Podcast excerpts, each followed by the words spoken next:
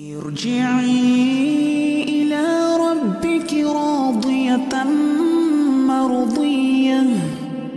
فادخلي في عبادي. وادخلي جنتي.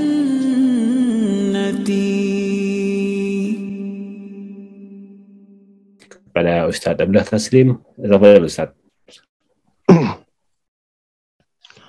بارك الله فيكم Assalamualaikum warahmatullahi wabarakatuh. Waalaikumsalam warahmatullahi wabarakatuh.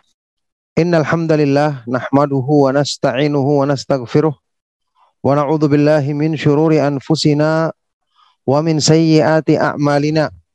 May yahdihillahu fala mudilla lah wa may yudlil fala hadiyalah. Wa asyhadu an la ilaha illallah wahdahu la syarika wa asyhadu anna Muhammadan abduhu wa rasuluh. Allahumma salli wa sallim wa barik ala nabiyyina Muhammad wa ala alihi wa sahbihi wa man tabi'ahum bi ihsanin ila yaumiddin amma ba'du. Alhamdulillah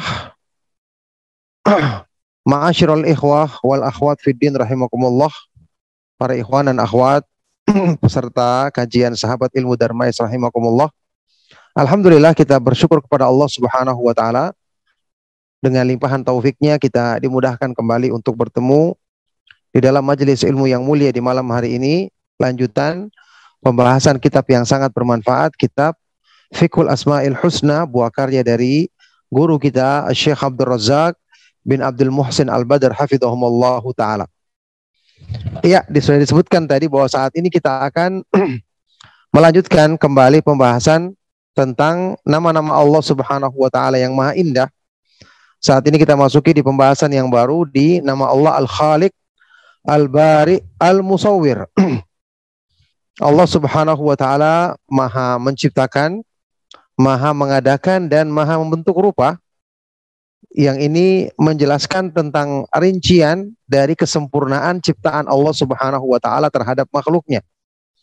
Al-Khaliq sudah kita bahas di pertemuan lalu di pembahasan tersendiri Al-Khaliq dan Al-Khallaq tapi di sini karena tiga nama ini digandengkan bersamaan disebutkan di dalam ayat Al-Quran maka akan dibahas lebih rinci lagi dari makna nama-nama Allah Subhanahu wa taala yang maha indah ini.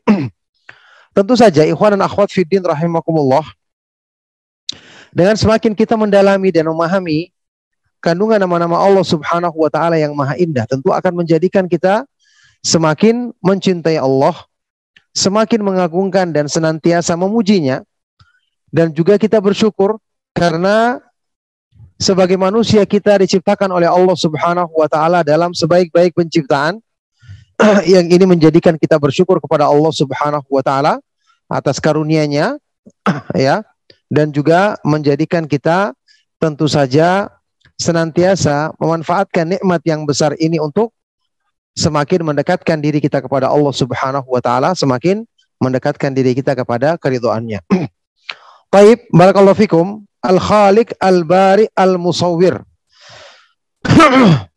Diterangkan oleh Syekh Abdul Razak hafizahullah taala, wa qad jama'a Allahu hadhihi al-asma' ats-tsalatsa hadhihi al-asma' ats-tsalatsata fi qoulihi subhanahu Allah Subhanahu wa taala telah menggabungkan mengumpulkan tiga nama ini disebutkan dalam satu tempat di dalam firman Allah Subhanahu wa taala di surat Al-Hasyr ayat ke-24. A'udzubillahi minasyaitonir rajim.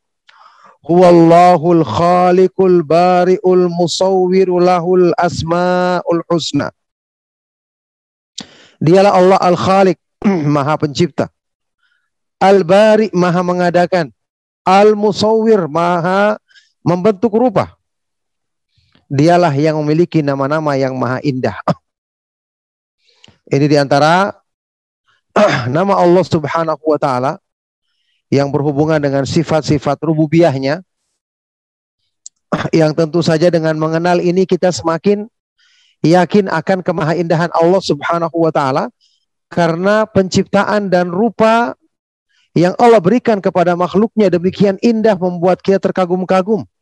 Apalagi kalau kita mengenal Allah Subhanahu wa taala yang maha indah dan semua keindahan yang ada pada makhluk merupakan jejak-jejak yang menunjukkan kemahaindahan Sang Maha Pencipta yaitu Allah Subhanahu wa taala. Nah, ai kata beliau artinya huwal munfaridu bi khalqi jami'il makhluqati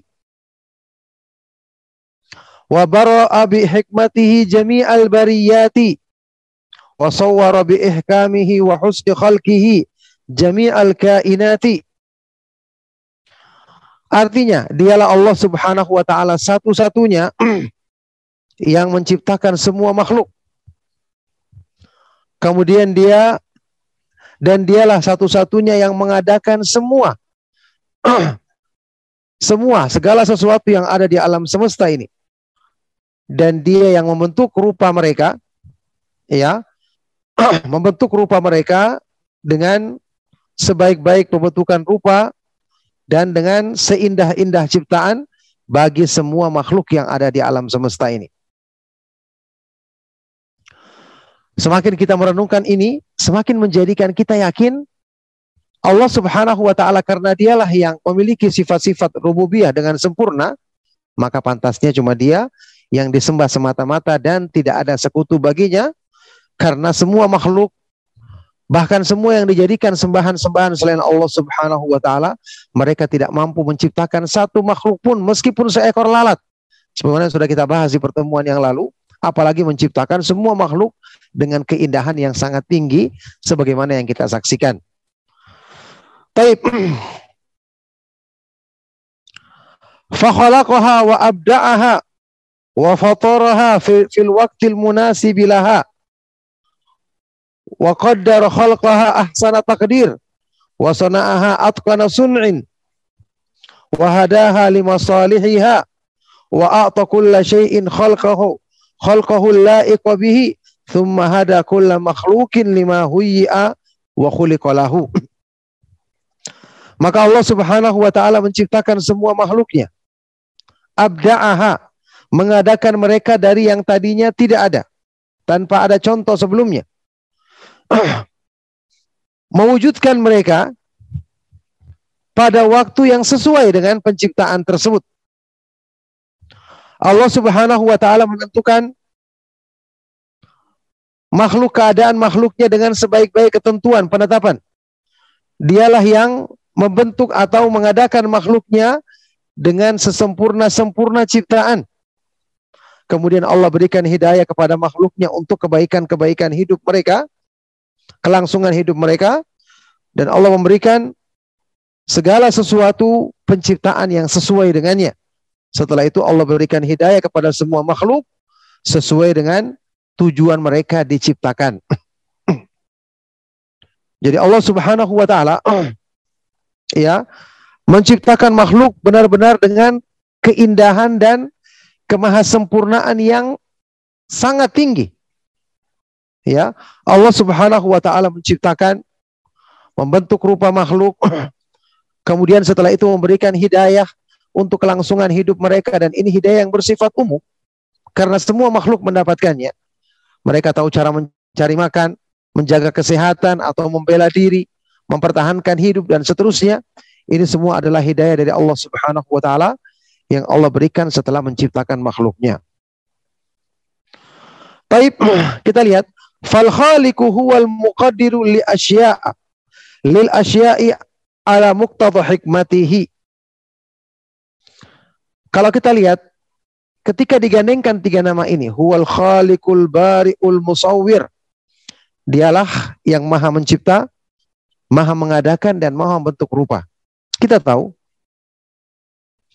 sudah pernah disebutkan dalam kaidah memahami nama-nama dan sifat-sifat Allah di pertemuan yang lalu bahwa Nama-nama Allah itu masing-masingnya maha indah. Mencapai puncak dalam kemaha indahannya. Ketika digandengkan dengan nama-nama yang maha indah lainnya akan melahirkan makna kemaha indahan lain. Al-kamal fauqul kamal. Kemaha sempurnaan di atas kemaha sempurnaan.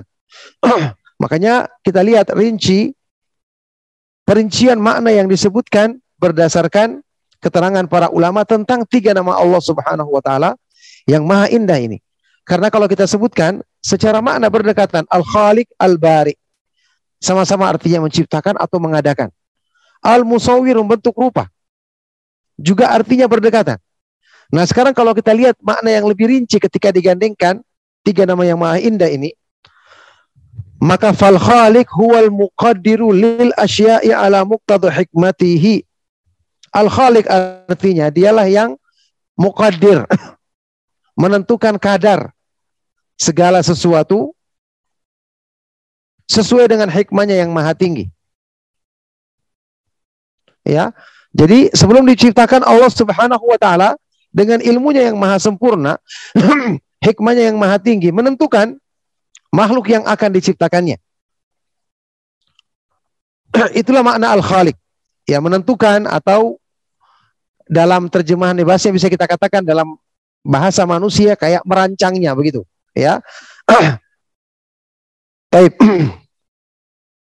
Wal bari Adapun al-bari artinya al-mujidulaha ba'dal adam. Allah dialah yang mengadakan makhluk setelah sebelumnya mereka dari ketiadaan. Hal ata 'alal insani hinun hinum minad dahri lam yakun syai'an. Sudahkah datang kepada manusia satu masa yang ketika itu mereka bukanlah sesuatu yang disebut, yakni mereka belum ada sebelum Allah Subhanahu wa taala ciptakan. Maka al-bari artinya dialah yang mengadakan makhluk, menciptakan makhluk dari sebelumnya tidak ada.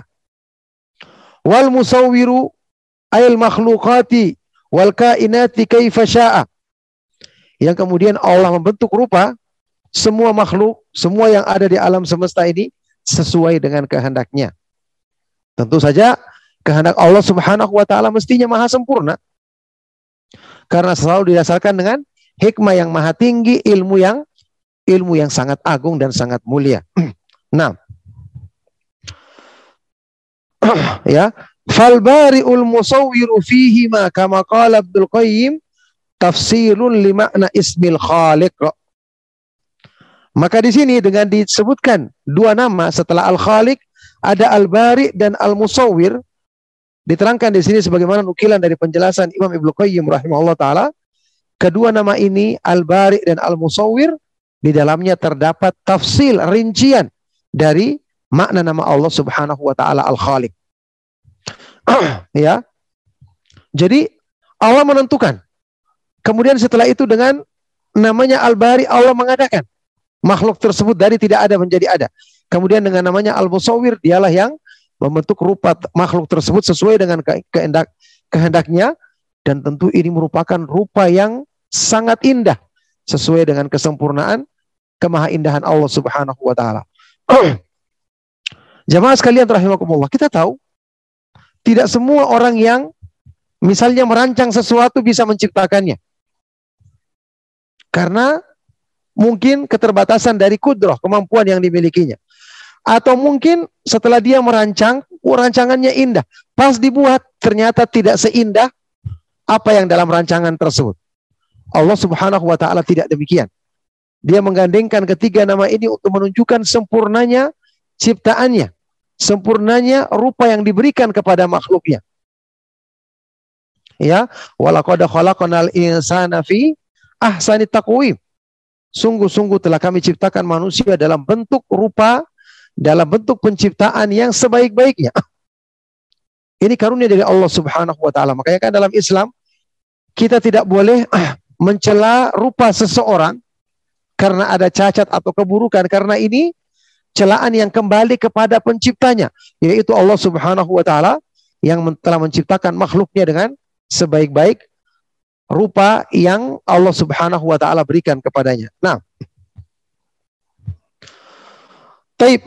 Fallahu azza wa jalla ida arada khalqa syai'in qaddarahu bi ilmihi wa hikmatihi thumma bara'ahu ay aujadahu wifqa ma qaddarahu fi surati allati sya'aha wa aradaha subhanahu. Maka Allah Subhanahu wa taala ketika dia ingin menciptakan sesuatu Allah Subhanahu wa taala perkirakan dulu ya menentukan dulu dengan ilmunya yang sempurna, hikmahnya yang maha tinggi. Hikmah artinya meletakkan segala suatu tempat pada tempatnya. Ya, menempatkan semua segala suatu tempat pada tempatnya. Setelah itu Allah menciptakannya, mengadakannya. Ai aujadahu artinya Allah mengadakannya sesuai dengan apa yang Allah tentukan. Dalam bentuk makhluk yang sesuai dengan apa yang Allah kehendaki dan apa yang Allah inginkan. Inilah penciptaan Allah Subhanahu wa taala terhadap makhluknya dan merupakan makna dari penggabungan ketiga ketiga nama yang maha indah ini Al-Khaliqu, Al-Bari'u, Al-Musawwir. Al-Khaliqu maha menciptakan. Al-Bari'u artinya maha mengadakan tanpa contoh sebelumnya. Al-Musawwir artinya maha membentuk rupa dari makhluk yang diciptakannya. Baik. Di sini nukilkan pernyataan dari Imam Ibnu Katsir rahimahullah taala beliau berkata, Al khalqu at takdiru wal bur'u huwal huwal faryu wa huwa tanfidhu wa ibrazu ma qaddarahu wa qarrarahu al wujud. Sekarang kita lihat al khalq ya. Dari nama Allah al khaliq kita mengambil sifat al khalq maha menciptakan. Artinya adalah takdir. Menentukan. Ya, merancang begitu ya, makhluk yang akan diciptakannya. Sedangkan al-buru al-buru diambil dari nama Allah al-bari. Huwal faryu wa tanfidh. Ini adalah berarti mengadakan. Yang maknanya adalah at-tanfidh. Menerapkan atau melaksanakan apa yang telah Allah Subhanahu wa taala tentukan sebelumnya. At-tanfidh wa ibraz dan menampakkan apa yang Allah tentukan, yang Allah tetapkan untuk ditampakkan di dunia di dunia nyata dalam wujud yang sesungguhnya. Jadi setelah Allah setelah itu dengan namanya Al-Bari Allah Subhanahu wa taala mewujudkan makhluk tersebut sesuai dengan rancangan yang Allah Subhanahu wa taala tentukan sebelumnya. Walaisa kullu man qaddara syai'an wa rattabahu yakdiru ala tanfidhihi wa ijadihi siwallahi azza wa jal. Dan tidak ada seorang pun dan tidaklah semua orang Apa Ustaz? Ustaz videonya sama audionya nge-freeze.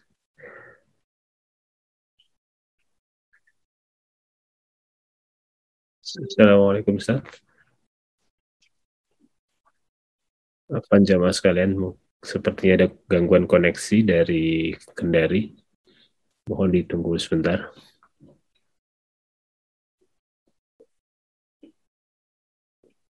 Wah, terkeluarkan sepertinya. Insya Allah bisa bergabung lagi setelah koneksinya lebih bagus. Mohon ditunggu sebentar.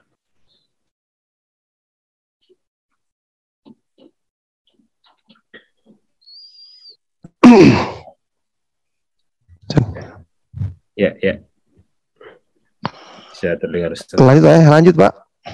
Ya, tambah Ustaz. Iya, barakallahu fikum. Jadi kita kembali tadi. Videonya belum keluar, Afan Ustaz. Oh, videonya belum keluar ya. Hasan. Video.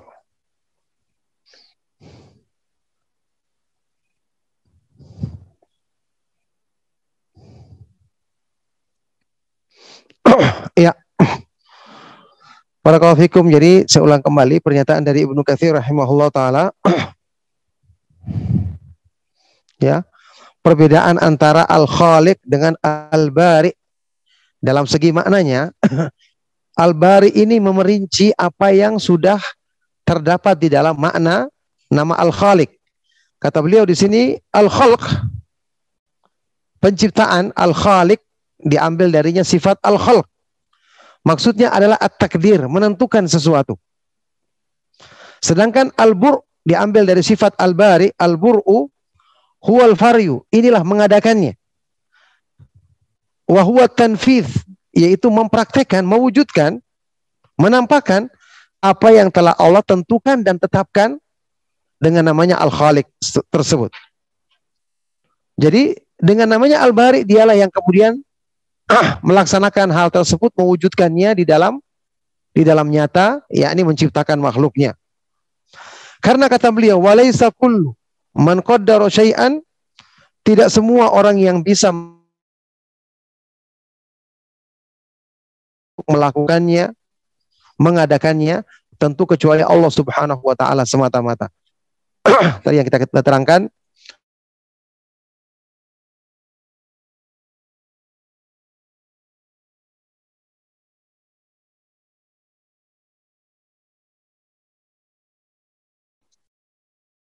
di dunia nyata.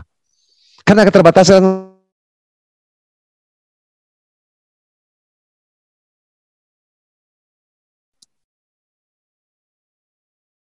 Subhanallah ada gangguan lagi. Gangguan koneksi.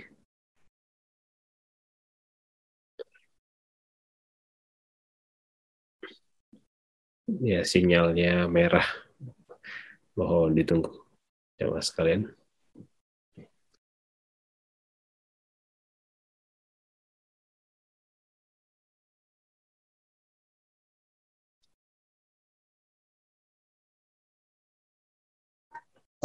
Kebental ya Iya, iya dong. Bentar. Sinyalnya juga merah sih tadi. iya kayaknya udah masuk Oh, mungkin nggak usah pakai video dulu kalau sinyalnya kurang bagus ya. iya coba aja Assalamualaikum Ustaz. Bisa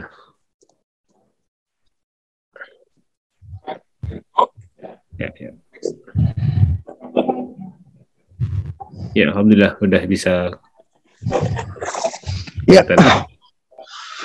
Barakallahu fikum. Jadi kita ulangi lagi kata Ibnu Katsir di sini rahimahullah taala tidak semua ya misalnya makhluk atau seorang yang mampu untuk menentukan sesuatu menyusunnya kemudian ya ini tidak semua orang kemudian bisa mewujudkan sesuatu yang telah ditentukannya tadi pada dunia nyata karena terbatasan keterbatasan kemampuannya atau sebaliknya mungkin dia merancang sesuatu dengan demikian indah pas dibuat pas dibentuk dalam bentuk nyata ternyata tidak seindah rancangannya. Banyak kekurangan, banyak ketidaksesuaian. Allah Subhanahu wa taala tidak demikian. Ketika dia menentukan sesuatu, kemudian dia menciptakannya dengan penciptaan yang sempurna, dia membentuk rupanya dengan pembentukan rupa yang demikian indah dan sempurna. Inilah sifat Allah Subhanahu wa taala ya yang rincian maknanya terkandung dari penggadengan tiga nama Allah Subhanahu wa taala yang maha indah ini Al-Khaliq, Al-Bari, Al-Musawwir. Nah.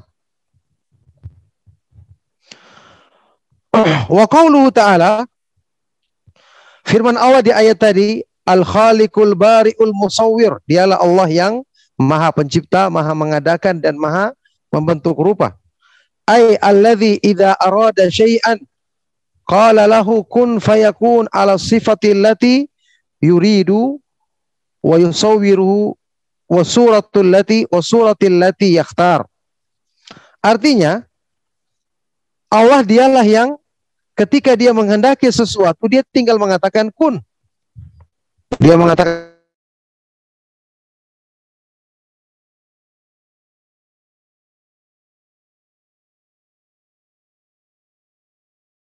Allah ta'ala maha kuasa untuk memperlakukan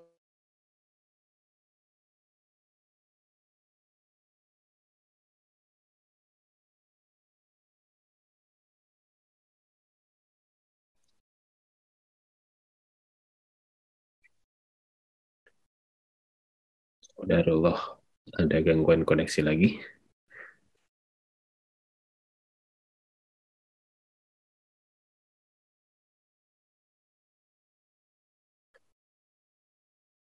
Ya, terpental lagi.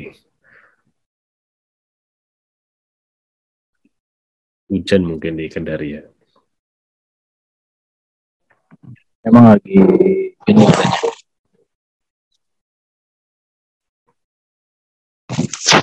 jaringan memang agak bermasalah Hmm, ya, ya.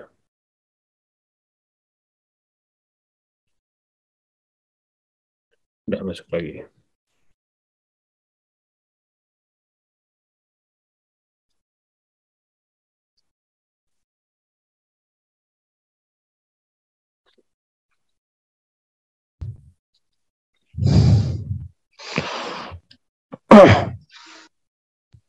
Ya.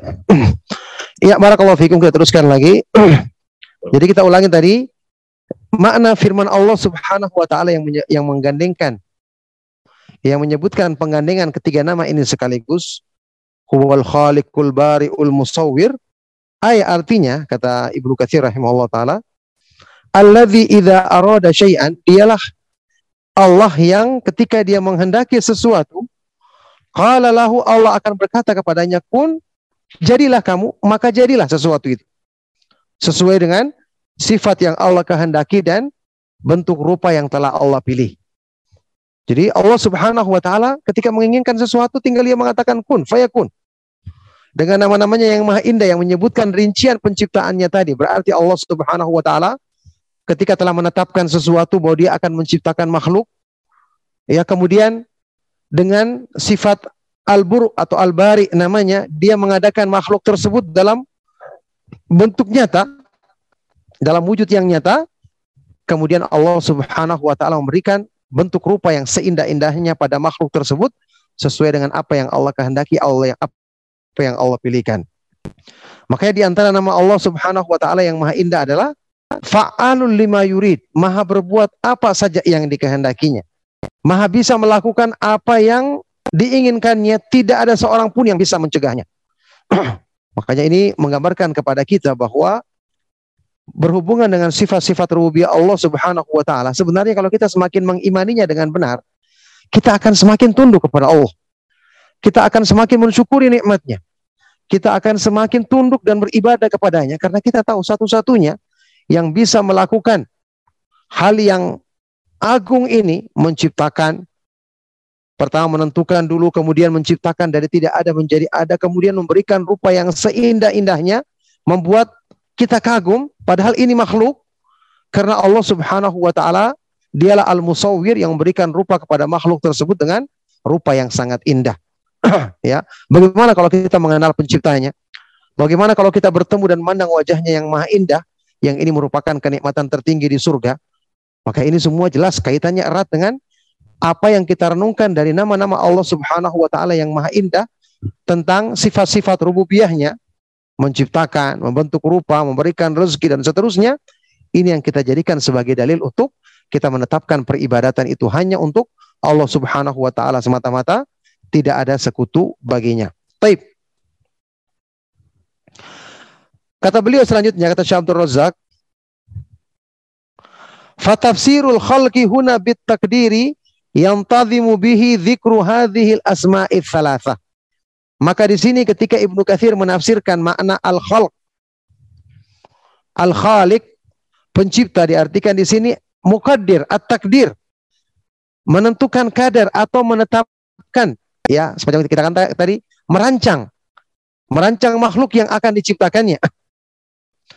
Dengan pengertian seperti ini maka yang tadimu saling bersesuaianlah saling cocoklah ketika Allah Subhanahu wa taala menyebutkan tiga nama ini sekaligus di dalam firman-Nya di surat Al-Hasyr tadi.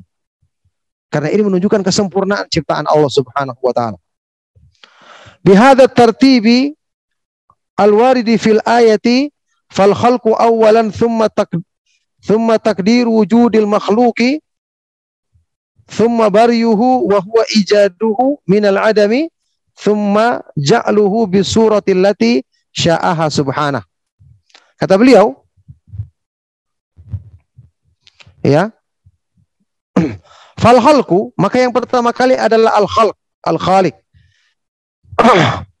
ya, pertama kali dia adalah at takdir, menentukan wujud makhluk, ya, ini semacam merancangnya. Thumma baryuhu kemudian dengan namanya al bari, Allah mengadakan makhluk ini dari tidak ada menjadi ada. Setelah itu Allah jadikan makhluk ini dengan bentuk rupa yang sesuai dengan kehendak Allah Subhanahu wa taala. Makanya alam semesta demikian indah rupanya, demikian indah pemandangannya, demikian indah lautannya dan pemandangan-pemandangan yang indah, ya, ini semua karena Allah Subhanahu wa taala yang menciptakannya, membentuk rupanya dengan sebesar-besar dan seindah-indahnya yang ini tentu sudah kita katakan tadi menjadi dalil bagi kita untuk menetapkan kemahaindahan Allah Subhanahu wa taala yang dengan itu semakin kita merenungkan tentang keindahan makhluknya maka kita akan semakin menetapkan kemahaindahan Allah Subhanahu wa taala dan dengan sebab ini kita mencintai Allah lebih daripada kecintaan kita kepada apa pun yang ada di dunia ini. Nah, kalau Allah taala Allah Subhanahu wa taala berfirman di surat Al-A'raf ayat 111 ya. Walaqad khalaqnakum tsumma sawwarnakum. Sungguh kami telah menciptakan kalian wahai manusia. Kemudian kami membentuk rupa kalian. Fal khalqu awalan tsumma taswir. Di ayat ini disebutkan pertama kali penciptaan. Kemudian pembentukan rupa kama annal khalqa awalan tsumma baru sebagaimana di ayat sebelumnya disebutkan penciptaan yakni pembentukan rancangan dari makhluk yang akan diciptakan, kemudian al-baryu ya mengadakannya dari yang tidak ada menjadi ada. Ini tidak bertentangan. Ayat ini disebutkan dua, ayat sebelumnya menyebutkan tiga. Tiga tahapan tadi, al-khalqu, al-baryu, dan at-taswir. ya, merancang bentuk makhluk, kemudian mengadakannya dari tidak ada menjadi ada. Yang ketiga, membentuk rupanya dengan seindah-indah pembentukan. Qala ta'ala Allah Subhanahu wa taala berfirman di surat Al-Hadid ayat ke-22, "Ma asaba min musibatin fil ardi wala wala fi anfusikum illa fi kitabim min qabli an nabra'aha." Min qabli an nabra'aha inna dzalika 'ala Allah yasir. Tidaklah menimpa satu musibah di bumi ini juga tidaklah ada musibah pada dirimu kecuali semuanya telah dicatatkan, ditetapkan di dalam kitab penulisan takdir sebelum min qabli an sebelum kami menciptakannya. Sudah ada tulisan segala ketentuan ya yang akan terjadi sampai hari kiamat dengan takdir Allah Subhanahu wa taala yang maha sempurna. Inna dzalika 'ala Allah yasir. Sesungguhnya yang demikian itu adalah sangat mudah bagi Allah Subhanahu wa taala. nah. Taib wal bariyatu humul khaliqah. Al bariyah mereka ini adalah makhluk artinya. Ulaika hum khairul bariyah. Mereka adalah sebaik-baik makhluk, yakni orang yang beriman dan taat kepada Allah. Wa qad khalaqahumullahu faja'ala minhumul kafir wa minhumul mu'min. Kama qala subhanah. Allah telah menciptakan semua makhluknya, maka Allah jadikan di antara mereka ada yang kafir dan ada yang beriman. Allah Subhanahu wa taala berfirman di surat At-Taghabun ayat yang kedua. Huwallazi khalaqakum faminkum kafiru wa minkum mu'min. Wallahu bima ta'maluna basir. Dialah Allah yang menciptakan kalian wahai manusia, maka di antara kalian ada yang kafir dan di antara kalian ada yang beriman dan Allah Subhanahu wa taala Maha melihat apa yang kalian perbuat. Baik.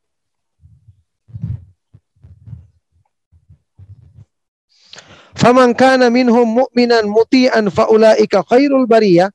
Maka siapa saja di antara makhluk ini yang beriman selalu taat kepada Allah, mereka ini yang disebut sebagai khairul bariyah, sebaik-baik makhluk.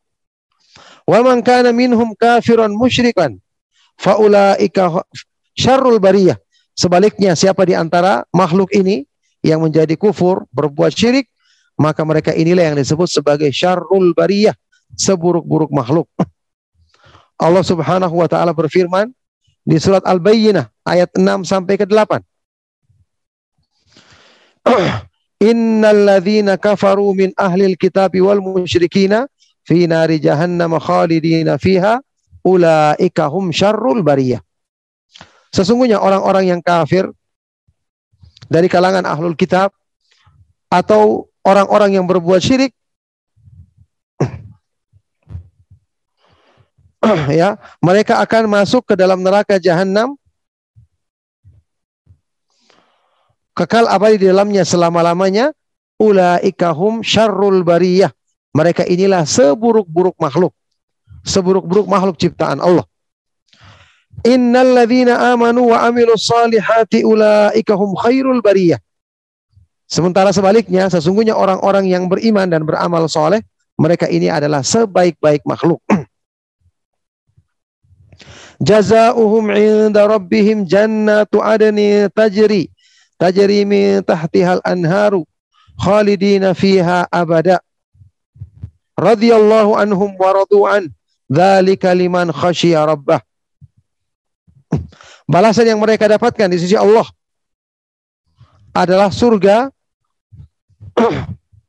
surga yang kekal yang mengalir sungai-sungai di bawahnya. Mereka kekal abadi di dalamnya selama-lamanya Allah ridho kepada mereka dan mereka ridho kepada Allah itulah balasan bagi orang yang takut kepada Allah Subhanahu wa taala. Jadi ini juga kita perhatikan diambil khairul bariyah sebaik-baik bariyah. Bariyah ini makhluk. Karena al-bari artinya menciptakan. Berarti bariyah atau bariyah ini adalah makhluk yang diciptakan oleh Allah Subhanahu wa taala. Ternyata ada makhluk yang sebaik-baiknya khairul bariyah yang mereka beriman dan selalu taat kepada Allah dan ada yang syarrul bariyah seburuk-buruk makhluk yaitu mereka yang melakukan perbuatan-perbuatan buruk apalagi kekufuran dan kesyirikan naudzubillah min dzalik.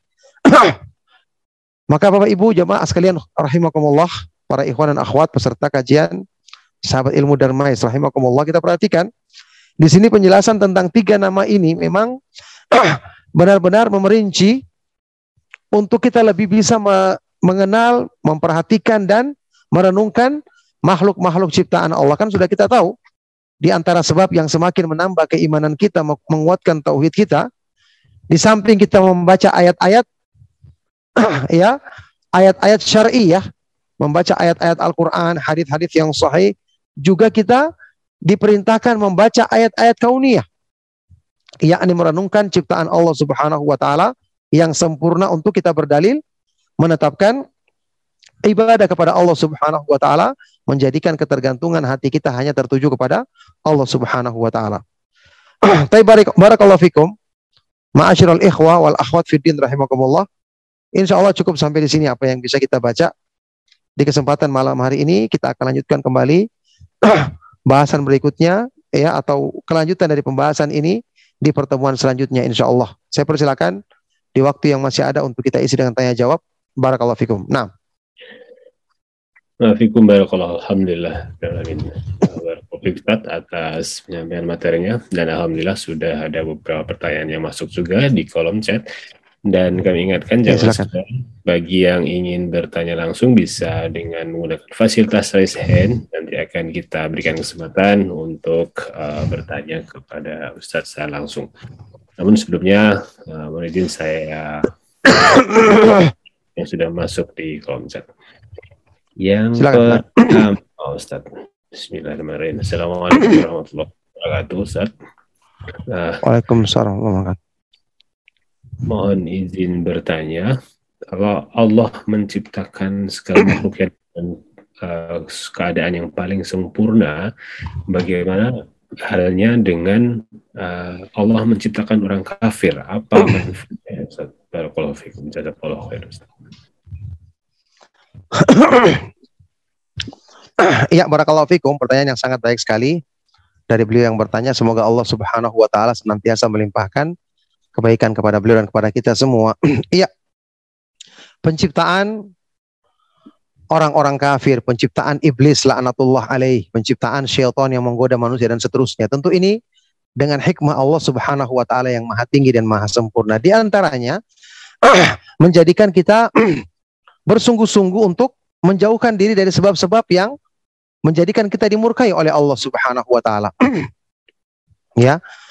Menjadikan kita berlindung kepada Allah dari godaan syaitan, bersungguh-sungguh menundukkan hawa nafsu yang senantiasa ditunggangi oleh iblis untuk merusak diri kita, menjadikan kita semakin bersandar kepada Allah agar tidak termakan tipu daya dan godaan iblis. ya, kemudian dengan adanya kekafiran atau orang-orang kafir menjadikan kita membenci kekafiran tersebut dan ini merupakan ibadah kebaikan menjadikan kita berlindung kepada Allah Subhanahu wa taala dari sebab-sebab keburukan, kekufuran, kesyirikan, perbuatan maksiat dan banyak hikmah-hikmah yang yang lain yang Allah Subhanahu wa taala jadikan dari penciptaan makhluk dalam keadaan yang berbeda-beda seperti ini. Nah, barakallahu fikum. Waalaikumsalam barakallahu. Alhamdulillah. Baik, uh, sepertinya sudah ada yang raise hand. Kesempatan pertama kami berikan kepada akhir Chef Muhawan. Tafadol. Dan mute. Silakan. Assalamualaikum warahmatullahi wabarakatuh, Ustaz. Waalaikumsalam warahmatullahi wabarakatuh. Silakan barakallahu fikum. Wabarakallahu fiik. Uh, Ustaz, ada dua pertanyaan. Yang pertama uh, terkait dengan surat Al-Hasyr ayat 24. Wallahul khaliqul bari'ul musawwirul Musawwir. lahul asmaul husna.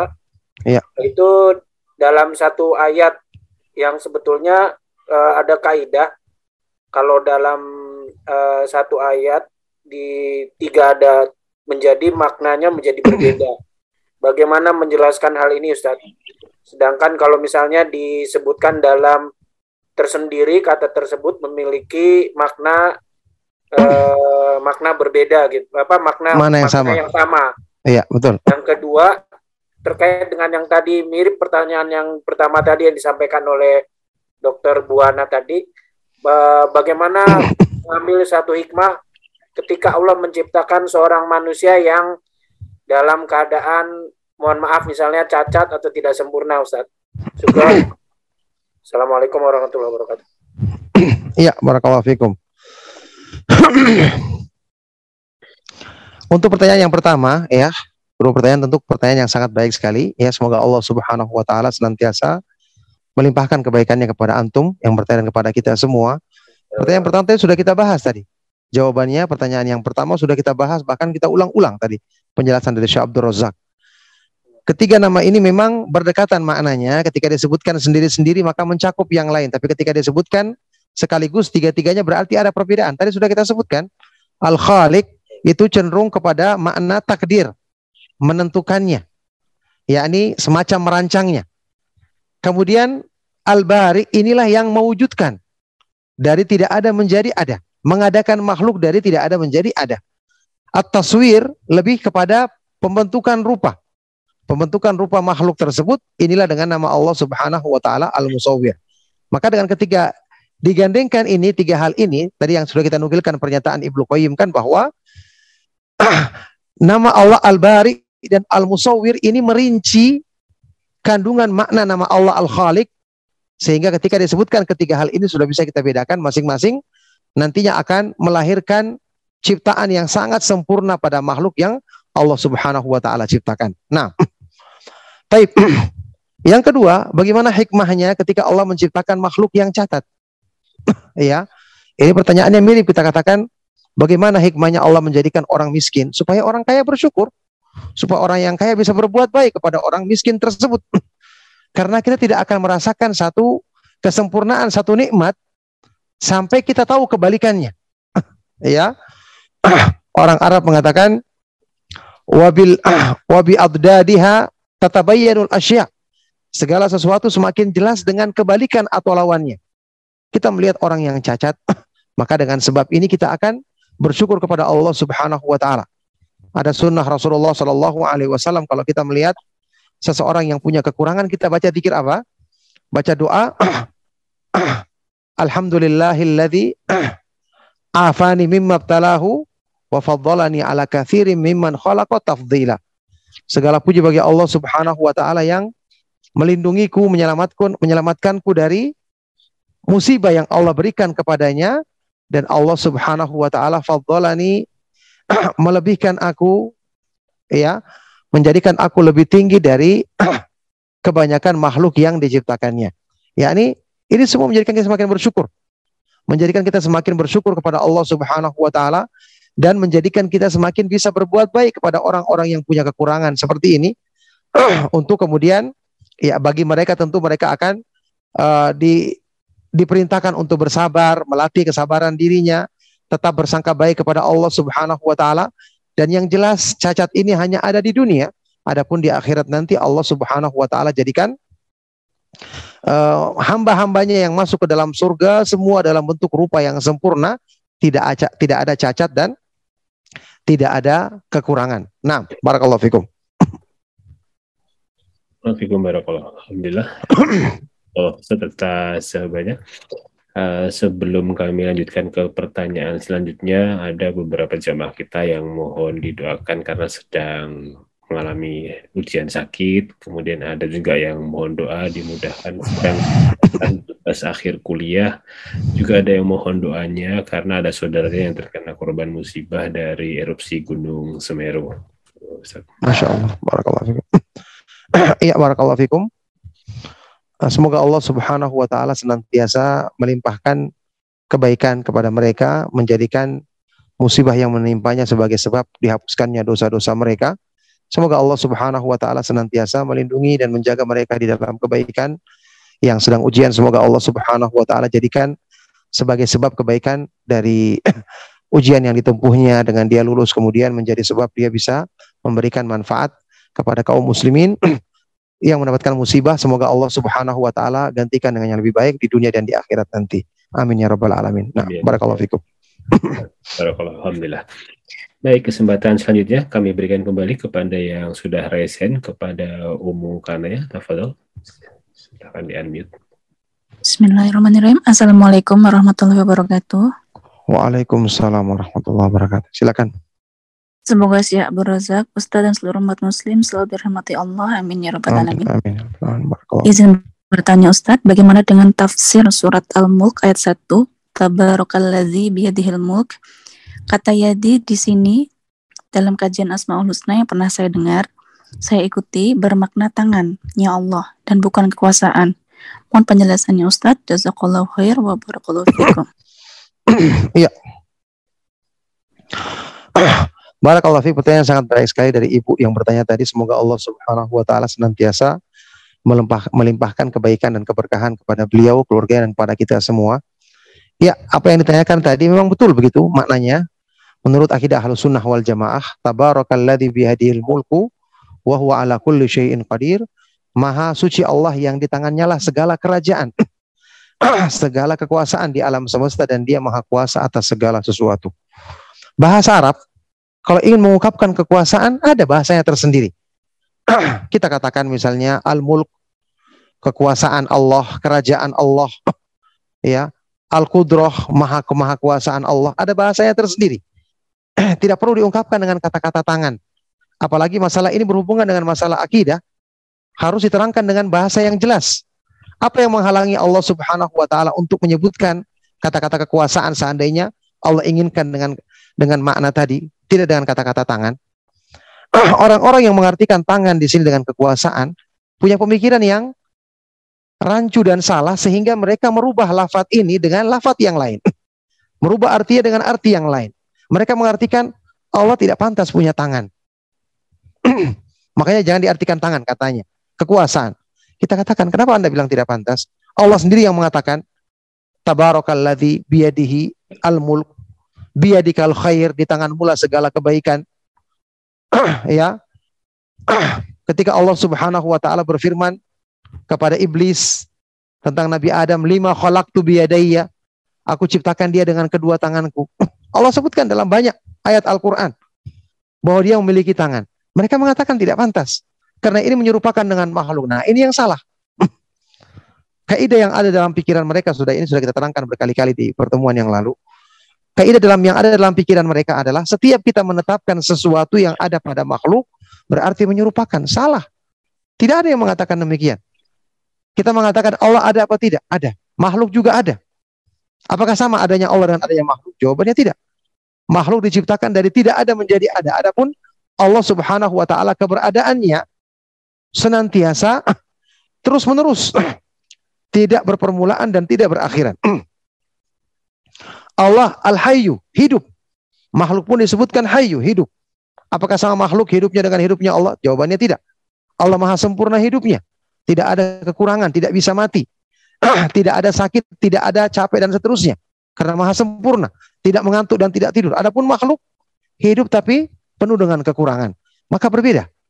Demikian pula tangan atau Allah memiliki wajah wa yabqa wajhu rabbika dzul jalali wal ikram dan akan kekal wajah Rabbmu yang memiliki keagungan dan kemuliaan. kita menetapkannya apa adanya sesuai dengan apa yang Allah tetapkan.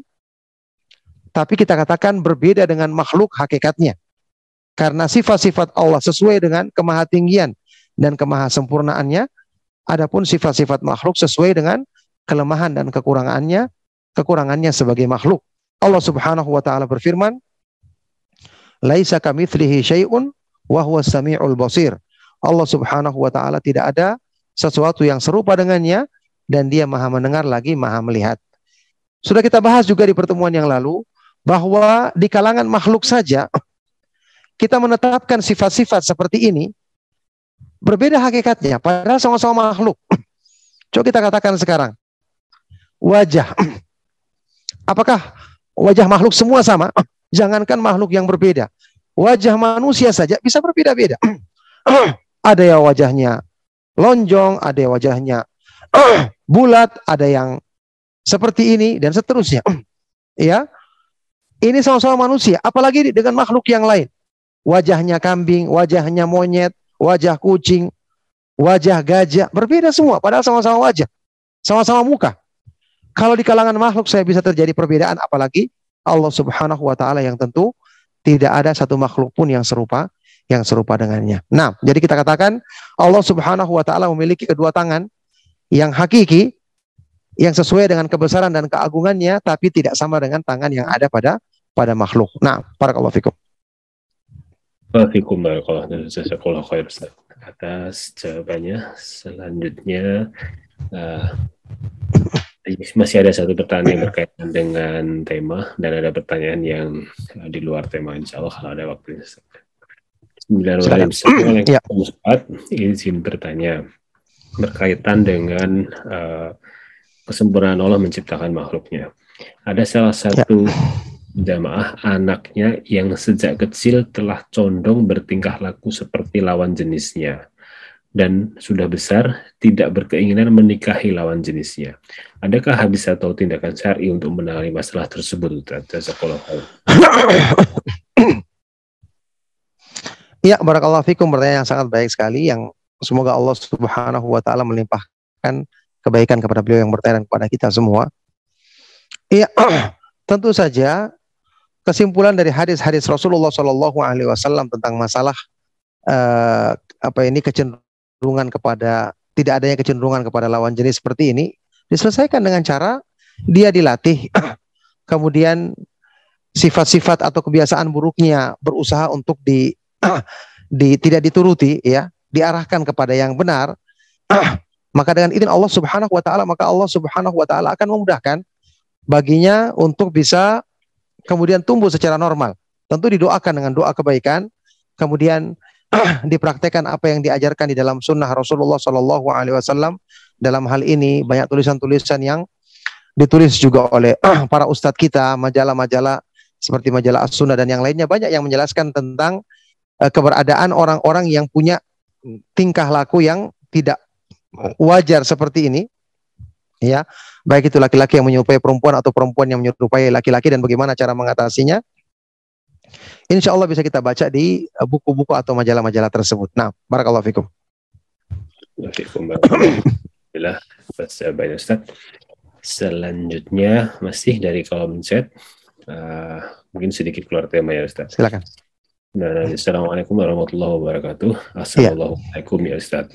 Ustaz. Waalaikumsalam. Bolehkah mempelajari kitab Mamba'diul Mufidah karya Syekh Yahya Al-Hajuri? Kita sudah mempelajarinya saat ini di pertemuan kelima Ustadz. Namun ada teman yang mengingatkan untuk mempelajari kitab yang lain saja. Mohon pencerahannya Ustadz. Apakah pembelajarannya Ya, barakallahu fikum. Ya. Pertanyaan sangat baik sekali. Semoga Allah Subhanahu wa taala senantiasa melimpahkan kebaikan kepada antum yang bertanya kepada kita semua. Ya, uh, saya belum pernah membaca kitab tersebut. yang saya ketahui adalah penjelasan atau keterangan para ulama tentang Syekh Yahya sendiri ya. Hafizahullah taala bahwasanya beliau adalah termasuk murid utama dari Syekh Mukbil rahimahullah taala yang tentu beliau adalah seorang yang memiliki ilmu. Cuman mungkin dalam sebagian masalah sikap yang agak keras, maka tergantung dari pembahasan buku tadi. Kalau pembahasannya adalah pembahasan-pembahasan materi-materi yang bersifat akidah atau manhaj mungkin secara umum tanpa menyebutkan eh, permasalahan-permasalahan yang terjadi antara beliau dengan uh, dai-dai yang lain yang ada di Yaman misalnya, maka tidak mengapa kita membaca buku tersebut karena kalau isinya adalah hal-hal yang bermanfaat, kita mengambil dari para ulama kita, beliau juga termasuk ulama ahlu sunnah, yang mungkin mengkhawatirkan hal ini adalah mereka yang mengkhawatirkan atau takut nantinya beliau akan membahas hal-hal yang menjadi perselisihan dengan beberapa ulama lain yang kemudian mungkin ada celaan atau kata-kata yang kasar yang kemudian tidak bisa kita hindari itu mungkin yang dipermasalahkan. Maka tergantung dari isi buku tadi yang saya sendiri belum pernah membacanya. ya memang juga kalau seandainya kita bisa mengambil dari buku atau kitab-kitab para ulama yang lebih terdahulu kan lebih baik sebenarnya. Kecuali kalau ada alasan tertentu. Ala hal ya kesimpulannya tadi dilihat dari pembahasan yang dibawakan di dalam kitab tersebut ya. Kalau pembahasannya adalah masalah-masalah ilmiah, masalah-masalah yang berhubungan dengan perkara-perkara yang memang dibutuhkan di dalam agama kita, maka tidak mengapa kita membahas buku beliau ya dan menghindari hal-hal yang mungkin dikatakan beliau punya tergelincir dalam hal-hal yang uh, berhubungan dengan sikap-sikap seperti yang saya sebutkan tadi. Nah, barakallahu fikum. Insyaallah fikum barakallah. Alhamdulillah. Uh, kembali kami berikan kesempatan sudah ada jamaah yang raise hand kepada Bu Mas Tafadol. Silakan. Assalamualaikum warahmatullahi wabarakatuh. Khair. Uh, pada moderator. Waalaikumsalam warahmatullahi wabarakatuh. Uh, mohon bertanya Ustaz. Uh, mau bertanya tentang uh, bolehkah kita mencintai satu ayat gitu ya. Uh, taruhlah di sini ayat kursi gitu kita baca berulang-ulang karena di dalamnya ada tentang uh, bagaimana sifat-sifat Allah itu. Allah tidak tidur, tidak uh, mengantuk dan lain-lain sebagainya. Apakah boleh kita baca di setiap apa uh, kesempatan yang ada tanpa menentukan kapan waktunya gitu. Khair. Assalamualaikum. Iya, barakallahu fikum. Pertanyaan sangat baik sekali ya. Semoga Allah Subhanahu wa taala senantiasa melimpahkan rahmat dan kebaikannya kepada antum dan kepada kita semua. uh, membaca ayat seperti ini ya.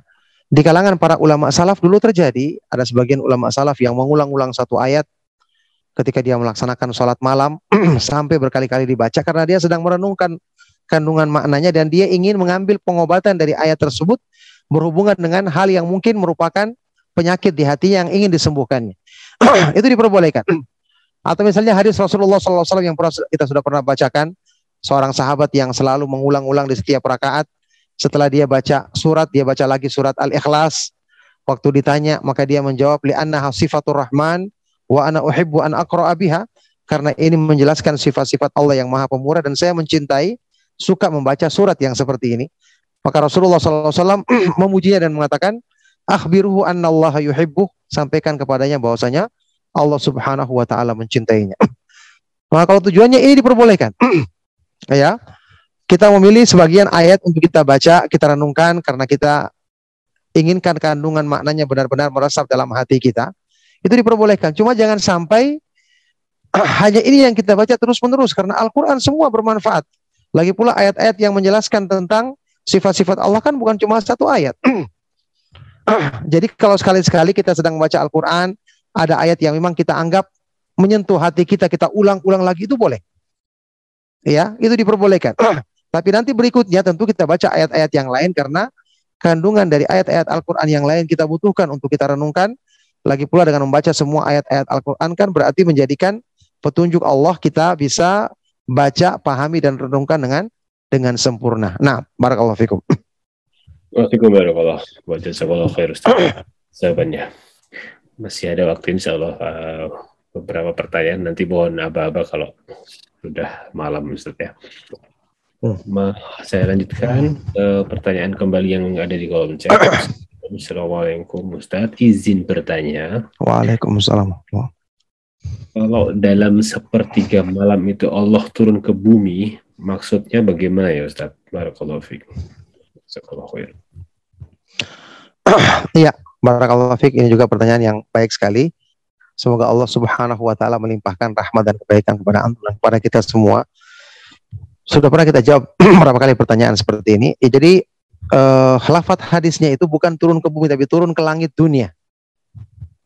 Yang zilu Rabbuna Rasulullah SAW bersabda hadis riwayat Bukhari Muslim.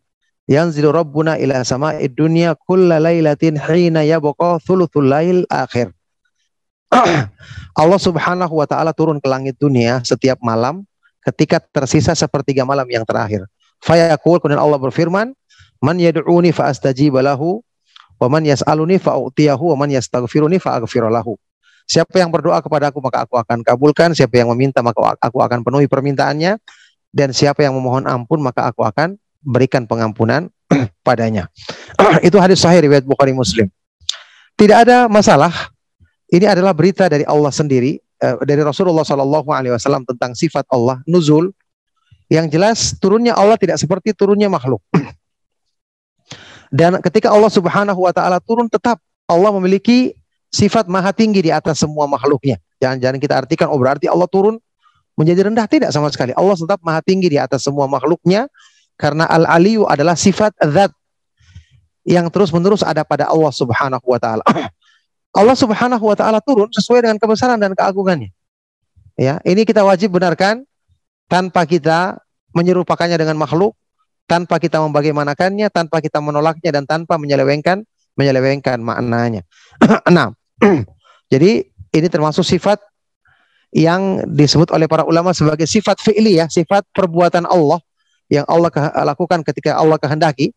Makanya Allah memilih waktu tertentu yaitu sepertiga malam yang terakhir. Kalau pertanyaannya berhubungan dengan bagaimana dengan sepertiga malam yang terakhir juga sudah pernah kita jawab bahwasanya Allah Subhanahu wa taala tidak bisa kita batasi dengan ruang dan waktu. Ketika Allah turun sepertiga malam di Indonesia maka ketika itu Allah turun. Sepertiga malam misalnya di Arab Saudi ketika itu Allah turun. Sepertiga malam di Eropa misalnya maka ketika itu Allah turun karena Allah tidak bisa dibatasi dengan ruang dan waktu karena dialah yang justru menciptakan ruang dan waktu.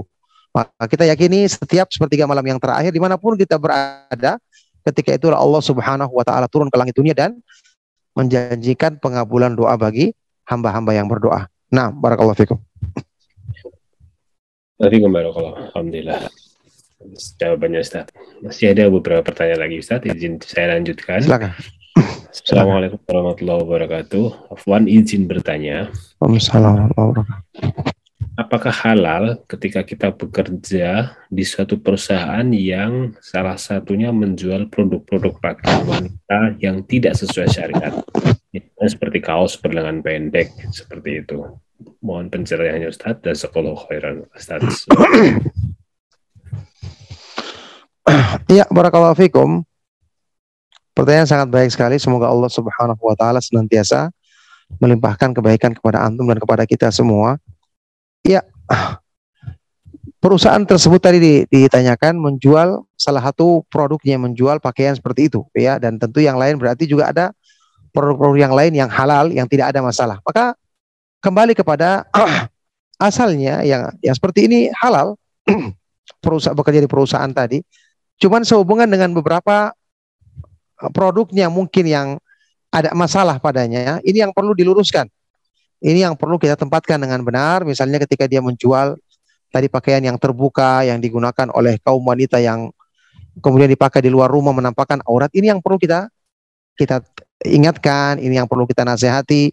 Kita tahu hukum asalnya menjual baju kos seperti ini juga boleh karena baju kos juga dipakai oleh laki-laki atau mungkin perempuan ini memakai dalam rumahnya.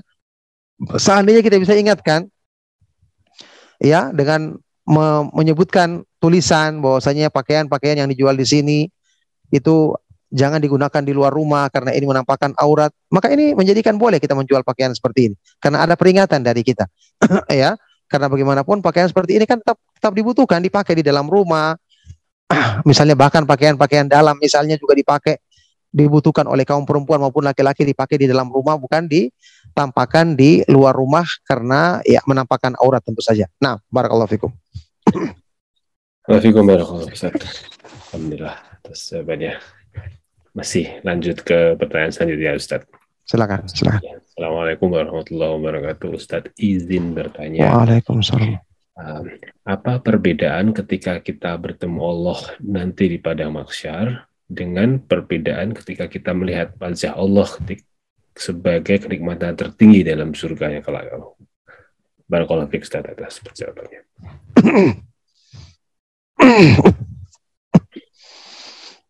Ya, barakallahu fikum. Pertanyaan sangat baik sekali. Ya, memang para ulama menjelaskan bahwasanya melihat Allah Subhanahu wa taala ya bertemu dengan Allah Subhanahu wa taala eh, memang terjadinya bukan hanya sekali saja. Ada yang masih di sebelum masuk ke dalam surga dan ada yang ketika masuk ke dalam surga. Cuman tentu saja perbedaannya ketika masuk ke dalam surga ini kenikmatan yang paling tinggi sudah. Karena kita bertemu Allah Subhanahu wa taala dan memandang wajah Allah Subhanahu wa taala yang maha mulia. ya, memandang wajah Allah Subhanahu wa taala yang maha mulia. Yang ini disebutkan di dalam hadis-hadis yang sahih adalah kenikmatan yang menjadikan penghuni surga sampai melupakan kenikmatan surga yang lainnya. Menunjukkan tingginya kenikmatan tersebut.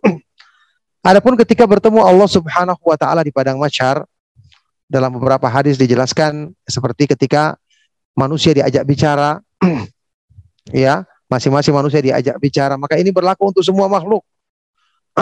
maka tentu ini merupakan bukan merupakan satu yang hal yang khusus ya, satu hal yang khusus sebagaimana kenikmatan yang telah Allah Subhanahu wa taala jadikan di surga bagi hamba-hamba yang beriman. Maka jelas perbedaannya kenikmatan yang memandang wajah Allah di surga ini adalah kenikmatan yang paling tinggi dan paling sempurna. Berarti keadaan kaum muslimin atau orang-orang yang beriman saat itu benar-benar dia sedang mendapatkan nikmat yang tinggi. Adapun ketika di padang masyar kan tidak demikian, tidak demikian keadaannya, ya.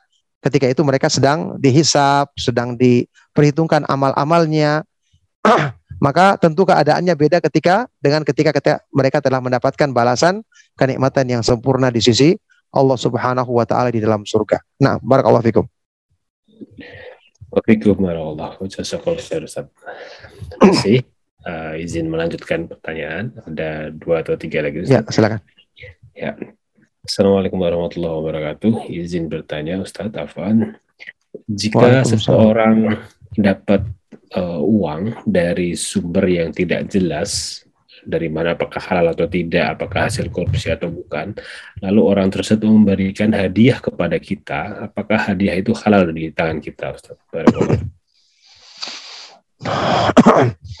Kalau tidak jelas, ya, maksudnya tidak jelas, cuman kita eh, apa perkiraan saja, ya, bahwa ini adalah pemberian atau dari penghasilan yang halal atau haram tidak jelas bagi kita, maka hukum asalnya selama dia itu adalah seorang mukmin dan kita dapatkan harta tersebut dengan cara yang benar, maksudnya kita bukan mencuri, bukan kita ah, mengambil hak orang, ya, dia memberikan kepada kita hukum asalnya kita terima. Bahkan Rasulullah SAW saja dulu disebutkan di dalam hadis-hadis yang sahih beliau bermuamalah dengan orang-orang Yahudi. Padahal orang-orang Yahudi sendiri disebutkan di dalam Al-Quran mereka memakan riba, memakan hal-hal yang diharamkan. Tapi Rasulullah SAW tetap bermuamalah dengan mereka. Ketika diberi hadiah beliau, beliau juga terima dan seterusnya. maka selama tidak jelas, maka kita berhak untuk menerima pemberian tersebut karena sampai ke tangan kita dengan cara dengan cara yang benar. Bahkan kata para ulama, sampai pun orang yang jelas haram usahanya, kalau masih ada yang halal, itu boleh kita terima. Kalau masih ada usahanya yang lain yang halal, sampingannya misalnya yang halal, boleh kita terima. Beda kalau misalnya usahanya cuma perkara yang haram dan kita ta- tahu jelas-jelas haramnya, itu yang tidak boleh kita terima. Nah, barakallahu fikum. Lanjut ke pertanyaan selanjutnya. Ya, silakan. Alhamdulillah. Ustaz mau tanya, eh, apakah pelaku maksiat yang selama ini meninggalkan perintah Allah, ketika dia berdoa, apakah doanya akan Allah kabulkan, Ustaz? Barakallahu fikum. Iya, barakallahu fikum. Pertanyaan yang baik sekali. Iya. Disebutkan di dalam beberapa hadis yang sahih dan keterangan para ulama, memang perbuatan maksiat tertentu perbuatan maksiat bisa menjadi sebab doa yang terhalangi dikabulkan oleh Allah Subhanahu wa taala. Ya. Misalnya dalam hadis riwayat Imam Muslim ketika Rasulullah sallallahu alaihi wasallam bersabda, "Tsumma dzakara rajula asy'atha akbara." Yutilu safar yamuddu yadayhi ila sama ya rab ya rab wa mat'amuhu haramun wa malbasuhu haramun wa mashrabuhu haramun wa gudhiya bil harami fa anna yustajabu lah. Kemudian Rasulullah SAW menyebutkan seseorang yang pakaiannya aut-autan, rambutnya acak-acakan, berdebu, pakaiannya melakukan perjalanan yang panjang, ya, dia mengangkat kedua tangannya. Maksudnya ini dia melakukan sebab-sebab terkabulnya doa tapi makanannya haram, minumannya haram, selalu mendapatkan konsumsi yang haram, pakaiannya dari yang haram, maka bagaimana akan dikabulkan? Dikabulkan doanya. Jadi perbuatan maksiat menjadi sebab terhalangi doa. Cuman ketika seorang misalnya selama maksiatnya belum menjadikan dia kufur keluar dari Islam atau perbuatan syirik, satu saat dia berdoa dengan sungguh-sungguh misalnya dia ingin bertobat kepada Allah, dia ingin kembali kepada Allah Subhanahu wa taala dan Allah Maha mengetahui kesungguhannya bisa jadi Allah Subhanahu wa taala kabulkan karena keinginannya bertobat dari perbuatan maksiat tersebut keinginannya untuk berhijrah dengan benar kepada kepada Allah Subhanahu wa taala dan rasulnya. Nah, barakallahu fikum. Barakallah. Masih ada Silakan. Kita kita like. Ah, Selanjutnya, Bismillahirrahmanirrahim. Assalamualaikum warahmatullahi wabarakatuh. Ustaz mau tanya, kalau di Indonesia azan subuhnya kecepatan, sedangkan yang menentukan jadwal sholat adalah dari pemerintah atau Kementerian Agama, apakah sholat subuh kita di masjid sah? Ustaz, mohon pencerahannya. Barakallahu fikum. Iya, barakallahu fikum. Pertanyaan yang sangat baik sekali. Eh, kecepatan yang ada pada adzan subuh ini menurut yang saya pernah dengarkan juga dari beberapa ustadz dari kesimpulan dari penjelasan beberapa para ulama juga tidak sampai terlalu jauh kecepatannya. Ya. Paling-paling ada yang mengatakan sekitar 10 menit. Ya, ada juga yang mengatakan mungkin 8 menit atau seperti itulah kurang lebih 10 menit misalnya kita ambil itu pun tidak terlalu lama. Kalau saat ini apalagi rata-rata yang saya ketahui saat ini orang mengumandangkan adzan subuh itu jarang sekali yang tepat waktunya. Ya yang saya lihat saya saksikan di sekitar yang saya kayak di di Sulawesi misalnya itu mereka agak-agak lama sedikit. Jadi sudah masuk waktu. Sudah masuk waktu ya. Insya Allah kalaupun dia mengumandangkan adzan misalnya pas di waktu yang sesuai dengan jadwal nanti juga dengan adzan sendiri sudah mengambil berapa menit kemudian nanti ada salah sunnah Insya Allah kalau kita laksanakan di masjid ini sudah sudah masuk waktunya ya sudah masuk waktunya dan menjadikan ya salat kita insya Allah sesuai dengan waktunya berarti salatnya salatnya sah. Nah, barakallahu fikum. Iya, satu lagi yang terakhir silakan. Pertanyaan terakhir. Ya, alhamdulillah. Eh, sebenarnya sudah habis, tapi ada satu pertanyaan yang tersisa dari kajian sebelumnya, Ustaz. Pas satu terakhir, insya Allah. Iya, silakan. Mohon izin bertanya, Ustaz, apakah perbedaan manhaj jadi pertimbangan kita untuk meminang atau memilih seorang wanita untuk dinikahi, Ustaz? Barakallahu fikum. Iya, barakallahu fikum. Pertanyaan yang sangat baik sekali. Eh, perbedaan manhaj, kita tahu artinya manhaj itu adalah metode memahami agama. Jadi manhaj itu ada manhaj dalam masalah akidah, ahlu sunnah manhaj dalam masalah akidah seperti ini, manhajnya dalam masalah ibadah seperti ini, manhajnya dalam bermuamalah dengan orang awam, dengan ahlu bidah seperti ini dan seterusnya. Maka ini jelas perkara yang menentukan dengan izin Allah Subhanahu wa taala kebaikan agama seseorang. Dengan inilah dinilai seorang itu sebagai ahlu sunnah atau tidak. Nah, sekarang hubungannya sama pernikahan orang yang berbeda manhaj. Hukum asalnya kita katakan ya, selama dia muslim tentu kita bisa menikah dengannya atau kita memilihnya ya. Bahkan kita ketahui saja perempuan yang ahlul kitab saja boleh dinikahi oleh seorang laki-laki muslim dengan tujuan untuk mengajaknya nanti. Baik. Akan tetapi di sini juga kita perhatikan tentu saja menikah ini bukan perkara yang uh, sepele ya. Rasulullah Shallallahu alaihi wasallam saja mengingatkan ketika seorang sahabat perempuan Fatimah bintu Qais radhiyallahu taala anha dalam hadis sahih riwayat Imam Muslim ketika ada yang melamarnya beliau menyebutkan tentang kekurangan sahabat yang melamarnya padahal ini berhubungan dengan hal-hal yang bukan menyangkut masalah manhaj, masalah akhlak saja. Karena ini akan menjadi teman hidup dalam waktu yang panjang begitu ya, bahkan mungkin sampai mati. Oleh karena itu, apalagi dia seorang perempuan ya yang mungkin laki-laki yang beda mana sama dia nanti akan mempengaruhi dia bahkan mengajak kepada pemahaman yang menyimpang. Dengan pertimbangan inilah harusnya kita berusaha memilih orang yang soleh dan tentu orang yang soleh pastinya adalah orang yang manhajnya sesuai dengan ahlu sunnah wal jamaah. Maka pertimbangan manhaj untuk masalah pernikahan jelas ini merupakan satu hal yang memang sangat-sangat harus diperhatikan. Karena ini berhubungan dengan kesolehan seseorang. Tidak mungkin dikatakan dia orang yang soleh kalau pemahamannya beda, pemahamannya syirik, pemahamannya menyimpang dari para sahabat radhiyallahu taala anhum ajmain. Maka dengan pertimbangan seperti ini usahakan untuk memilih yang pemahamannya benar, manhajnya benar, karena kalau tidak nanti paling tidak mereka akan sering cekcok dalam rumah tangganya karena tidak cocok yang satunya ingin mengaji seperti ini, yang satunya seperti ini pasti akan terjadi ketidakharmonisan ya dalam rumah tangga tersebut karena sudah ada perbedaan yang mendasar di antara mereka berdua dalam memahami dan mengamalkan mengamalkan agama. Tapi barakallahu fikum sampai di sini insya Allah kajian kita di malam hari ini. Semoga apa yang kita bahas dan kita kaji bermanfaat dan menjadi bekal untuk kebaikan dunia dan akhirat kita. Mohon maaf atas segala yang salah dan kurang. Saya cukupkan. Sallallahu wasallam wa barak ala Nabi Muhammad wa ala alihi wa sahbihi wa man tabi'ahum bi isanin ila yaumiddin. Walhamdulillahi rabbil alamin. Subhanakallahumma wa bihamdika asyhadu an la ilaha illa anta astaghfiruka wa atubu ilaik. Wassalamualaikum warahmatullahi wabarakatuh. Irji'i